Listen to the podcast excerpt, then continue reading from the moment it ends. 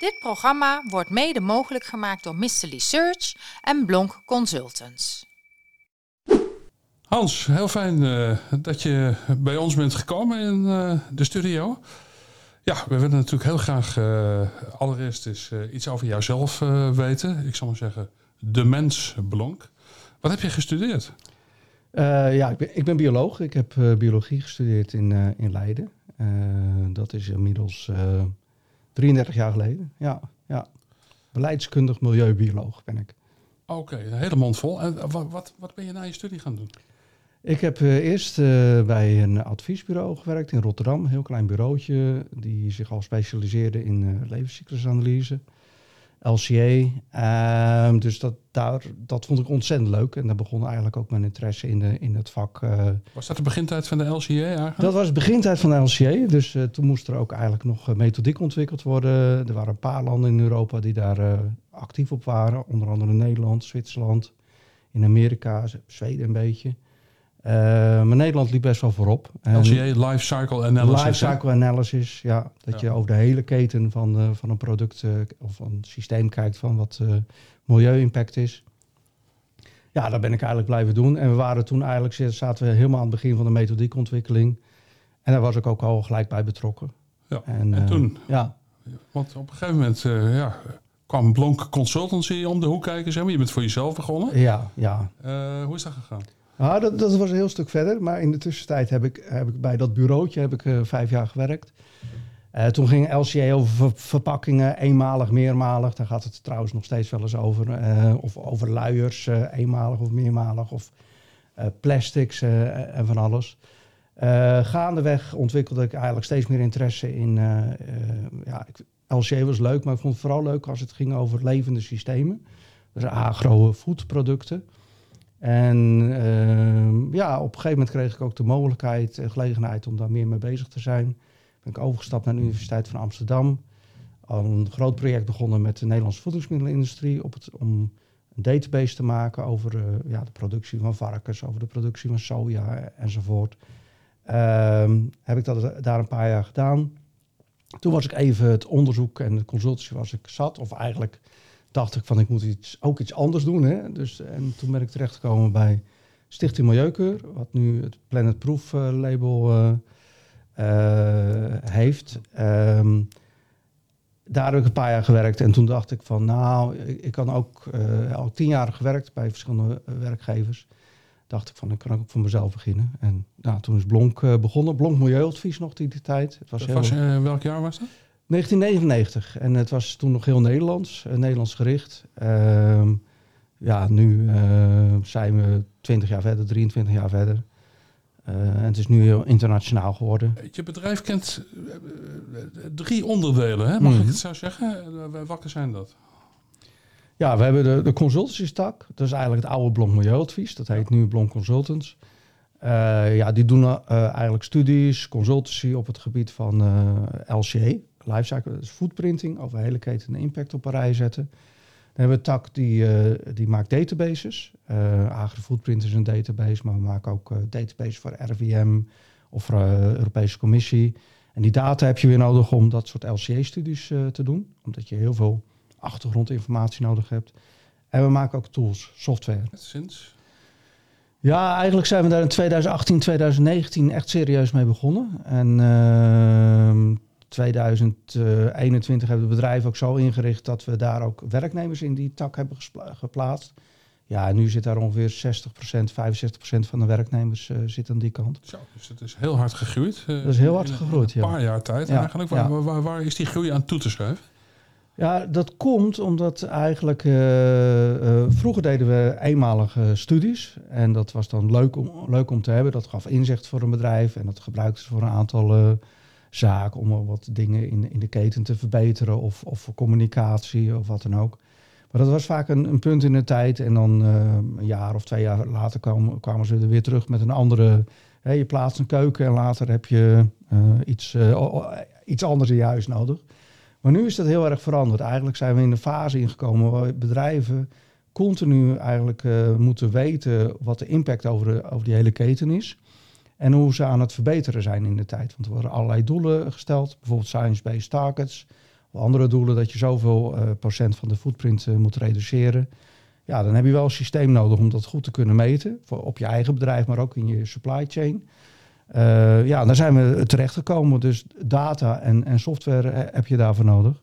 Ja. En uh, ja, daar zijn we op ingestapt. Welke dossiers uh, werken jullie nou uh, voornamelijk aan? En voor welke opdrachtgevers bijvoorbeeld? Ja, nou, de, footprint breed. Nou, footprint breed, dat, dat, dat zijn 16 verschillende milieuindicatoren. Het gaat altijd wel over milieufootprinting. Maar binnen die 16 verschillende indicatoren is broeikaseffect is heel belangrijk. Dingen die met stikstof- en fosfaatemissies te maken hebben. Dus dat kan verzuring en vermesting zijn. Uh, landgebruik, biodiversiteit en water. Dat zijn eigenlijk de thema's waar we het uh, meest op doen. En, en, de opdrachtgevers, kun, je ze ja, uh, Het grotere, grotere agro-food bedrijfsleven. Dus dat zijn of de partijen zoals Unilever, Friesland Campina, PepsiCo, Nestlé... of de partijen die toeleverend zijn aan, de, aan, de, aan boerderijen. Dus dat kunnen mengvoerbedrijven zijn... Of de mengvoer additieven. DSM is een eh, hele grote klant uh, van ons. Uh, of, of bijvoorbeeld kunstmestbedrijven. Dus het zijn eigenlijk altijd wel het, het grotere bedrijfsleven waar we voor werken. Ja. ja. En wat is de ja, verhouding tussen internationale opdrachtgevers en Nederlandse opdrachtgevers? Ja, ik denk ongeveer drie kwart, uh, een kwart. Dus, dus dat we... Drie kwart internationaal? Ja, drie kwart internationaal. Ja. En het MKB? Ja, MKB veel minder. Ja. En uh, dat, dat, ja, dat komt omdat het uh, weer die capaciteit eigenlijk. Je moet er serieus op inzetten. Het is echt iets waar je op in moet investeren. En voor het MKB is dat een, een grotere hobbel dan voor, of een grotere beslag op, op middelen dan relatief dan voor, voor, de, voor de wat grotere bedrijven. Ja. ja. maar ja, ik denk bij die grotere bedrijven ook wel eens dat die duurzaamheidsafdelingen ja. uh, een stuk groter zouden moeten eigenlijk. Uh, ja, ben ik helemaal met je eens. Ja, ja zonder meer. Ja, dat, dat is echt. Uh, we zitten echt helemaal aan het begin van een traject van dat het. wij noemen dat environmental footprint management. Dus de, de management systemen van de impact van je bedrijf en van de keten, dat moet nog helemaal opgebouwd worden. Maar wordt dat nou gewoon de urgentie daarvan ingezien? Door, uh, ook door grotere bedrijven? Ja, ja, uh, ja. Uh, ja. ja. Maar waar blijft de menskracht dan? Om, Ja, het, het, het, het, kost gewoon tijd om mensen op te leiden hiervoor. Dus er is niet een, een studie in Nederland waarbij je gewoon elk jaar honderd mensen vanaf komen die je zo in, de, in, dat, in dit soort banen kan schuiven. Ja, dat begrijp ik. Wat, wat voor oplossing is daarvoor dan? Uh, jullie trainen zelf ook mensen? Uh, ja, uh, ja daar beginnen we ook wel, dat beginnen we ook wel steeds meer te doen. Ehm, en daar is ook heel veel vraag naar. We hebben daar eigenlijk zelf weer te weinig capaciteit voor om dat nu goed, goed door te zetten. Ja, aan het opleidingsgebeuren moet veel, moet, moet veel meer in gang gezet worden. Niet, daar hebben wij zelf ambities, maar dat moet ook meer universiteiten, hogescholen gebeuren. Ehm, en echt ook met die focus van uh, ja, die footprint. Kijk, je moet je voorstellen als je. Um, bedrijven stellen nu doelen. Hè? Ik ga 30, 40 procent verbeteren ten opzichte van nu of 1990 of wat, voor jaar je dan ook neemt. Dat betekent dat je over die hele supply chain moet je al die informatie moet je bij elkaar gaan halen. En je moet ook nog aan uitleggen aan die supply chain van hoe wil je die informatie precies hebben. Van, van, van of hoe moeten ze het precies aanleveren? En dat moet geverifieerd worden. Dus in die supply chain is veel capaciteit nodig. Maar ook om dat allemaal aan te sturen en op te zetten, is, is veel capaciteit nodig. En de, de universiteiten en, uh, HBO's hebben daar nog niet een opleiding voor. Van hoe moet je dit uh, organiseren? Als we het hebben over de stand van zaken rond de verduurzaming in de foodsector. Mm In Nederland, beperk me even toe. Hoe, hoe kijk je aan tegen keurmerk? Ah, ik heb ook een tijdje bij een keurmerkorganisatie gewerkt. Hè? Dus, dus uh, eh, SOK, uh, eh, Planet Proof uh, tegenwoordig. En uh, dus ik, ik, weet ook wel een beetje van als je daar werkt, hoe, je, hoe, hoe dat dan gaat. En hoe er, iedereen vindt ook altijd iets van die keurmerken. Dus, dus um, dus laat ik het zo zeggen. Ik, ik denk dat het uh, goed is dat het er is. Dat, dat er keurmerken zijn. Ik denk alleen niet dat het en ik denk dat keurmerken ook e evolueren. Dus je hebt keurmerken.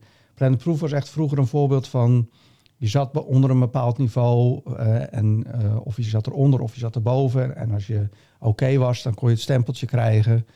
Ehm, het, eh, en dat is nu al een beetje gedifferentieerd, eh, ehm, eh, dat, dat je daar ook plussen op kan hebben. Bij het Beter Leven keurmerk heb je het ook, hè, de, de verschillende sterren. En je hebt natuurlijk iets als energielabels, wat een soort klassificatie is van allerlei niveaus. Ik denk zelf dat, dat keurmerken en de Nutri-score en Eco- Ecoscore heeft dat ook in zich. Dus ik denk dat het meer gaat ontwikkelen in de richting van dat je wil laten zien van eh, via nou ja, kleurenpalet of, of, of klasses of hoe je het ook wil doen. Van eh, hoe dat product dan eh, scoort. Is het relatief groen of is het niet zo groen?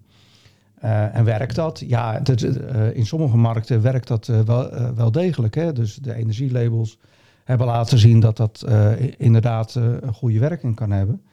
Ehm, Op witgoed bedoel je dan oh, bijvoorbeeld? ja, op witgoed. Ja, of op huis. Of, te- ja. precies, ja. Ehm, ja, dus theoretisch eh, zou dat ook moeten kunnen eh, in de supermarkt. Alleen denk ik dat dit een, een aankoop is waar mensen veel minder tijd hebben om heel gedetailleerd naar het label eh, te kijken. Ja, dat kan misschien ook. we, kopen niet alleen maar in de supermarkt, kan ook thuis. kan je op een website kan je dat, kan je dat ook doen. Dus ik denk dat het kan helpen. Eh, maar, maar er zijn wel een paar maren, mits en maren. Eh, Ja. het, het moet, eh, wat mij betreft, altijd wel heel erg fact-based en objectief zijn. En het moet, er moet ook voldoende data zijn om, om het keurmerk. Is dat nu niet het geval? Denk je? nou, ik, ik, een ecoscore is bijvoorbeeld een, een, een, een, een ding dat, dat ja, heel veel gebaseerd is. Dus de scores zijn heel veel gebaseerd op, op secundaire data, op, op groepsgemiddelden. Dus dat is niet... eh, Niet specifiek op dat product gericht bedoel je? nee, nee, want die data is er vaak helemaal nog niet. Die is nog niet verzameld in, in de keten. Het staat allemaal nog in de kinderschoenen. Nou ja, ja, eh, ehm, ja, je kan dat kinderschoenen noemen, maar eh, het staat aan het begin van de ontwikkeling. Dus heel veel data ontbreekt nog. En dan kan je wel afvragen, hoeveel zin heeft het om nu de consument ehm, informatie te geven die grotendeels gebaseerd is op niet die specifieke appel of niet dat appelras. Of misschien zelfs niet eens appel als product, maar hardfruit als, als product. Ik, ik weet niet heel hoe het systeem precies in elkaar zit. Maar het heeft met categorieën te maken. Ja, hoe, hoeveel win je ermee om de consument die informatie te geven? Voorbarig eigenlijk. Voor, voordat je intern de zaken op orde Nou ja, ja het is een soort voorbarig, want je weet de vervolgstap niet zo heel duidelijk. Je weet niet hoe de consument daarop gaat eh, reageren. Ehm, en je weet ook niet wanneer je betere data krijgt, eh, wat, het, wat de echte footprint van dat appeltje is. En valt hij dan nog steeds in dezelfde categorie bijvoorbeeld? Het onderbouwen van duurzaamheidsclaims, dat is echt een ding aan het worden. Hè? Nou, dat is zeker zo. En dat is niet alleen Nederland. Hè. Dit is ook internationaal speelt het in de Verenigde Staten, ook in Engeland. Eh, partijen worden ook teruggefloten wanneer ze met de verkeerde claims op de, op de verpakking komen. Hè. En dat, dat zijn dan vooral vergelijkende claims ook. Hè. Dus dat je zegt van ik ben zoveel procent beter dan een, een alternatief eh, product waarmee je, mee je concurreert. Ja, daar, daar wordt eh, heel scherp op gereageerd. En, Ja, nu we het een klein beetje al hebben geraakt aan het thema overheid. Wat doet de Nederlandse overheid? Zitten we nog in die nachtwakerstaat waar de overheid zegt... Nee, van- ik, ik zie wel een beetje een. eh, ja, de, de, overheid is heel groot. Maar ik zie wel een beetje een, een, een, kentering. Dus, dus, en, en mijn specifieke vakgebied is heel erg gericht trouwens op de footprint van producten. Hè? Dus dat, dat, ehm, en dat is voor de overheid eigenlijk al inherent heel ingewikkeld. Want ehm, overheidsbeleid is eigenlijk heel erg gericht op activiteiten, op bedrijven.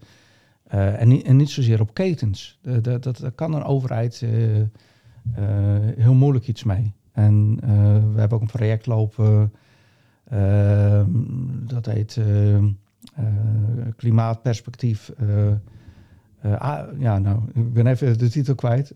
maar in ieder geval, dat gaat er specifiek om van hoe je ermee om moet gaan. Dat je als overheid eigenlijk, en het gaat over klimaatimpact. Hoe, je als overheid probeert om klimaatimpact in Nederland bij bedrijven te verminderen. Terwijl het hele bedrijfsleven, de eh, of, of steeds grotere delen van het bedrijfsleven erop gefocust is om de klimaatimpact van de ketens van hun producten te verminderen. Maar heel deel van die keten kan in, in het buitenland liggen. Dus dat betekent dat uh, de uh, bedrijven. En, ze stellen ook doelen over die hele supply chain en over die hele keten. Maar dat matcht helemaal niet met hoe de overheid kijkt uh, naar. nou, als, als, we, als we varkens nemen als, als voorbeeld. Dus je hebt, hebt het varkensproduct op je bord. Dan zit ongeveer 75% van de impact van het, van de product zit buiten Nederland. Je kan dat beïnvloeden door allerlei maatregelen in Nederland bijvoorbeeld door de voerconversie te verbeteren. Of door, uh, uh, nou dat is heel belangrijk, of de voersamenstelling te, te, te veranderen, zodat de impact minder wordt. De hele wereld is daarmee geholpen als je dat zou doen. Voor de overheid is dat totaal niet relevant nu. Hè? Dus, dus vanuit het klimaatbeleid van de overheid. Want dat is erop ingericht om te focussen op de belangrijkste aspect van, van, van die varkenshouderij. En voor het klimaat is, is dat de mestverwerking. Dus daar gaat alles eigenlijk over, alleen dat stukje van die, van die mestverwerking. En al het potentieel dat je kan bereiken door in die keten te kijken, daar kijkt de overheid niet naar. En dat komt omdat die overheid dan een andere uh, manier heeft van kijken naar de problematiek, als dat je eigenlijk vanuit het ketendenken, waar het bedrijfsleven wel op aanhaakt, kan hebben. Dus daar zit een bepaalde mismatch. Dat is niet per se heel snel opgelost, maar wat ik wel positief vind, is dat er nu een traject gaande is, waar we gekeken wordt eh, vanuit de Nederlandse overheid ook geïnitieerd in het vervolg op het klimaatakkoord. Hoe je kan de impact van ketens kan gaan meten. Uh, hoe je dus uh, een database kan opbouwen van, van Nederlandse producten. Die in Nederland geconsumeerd worden ook.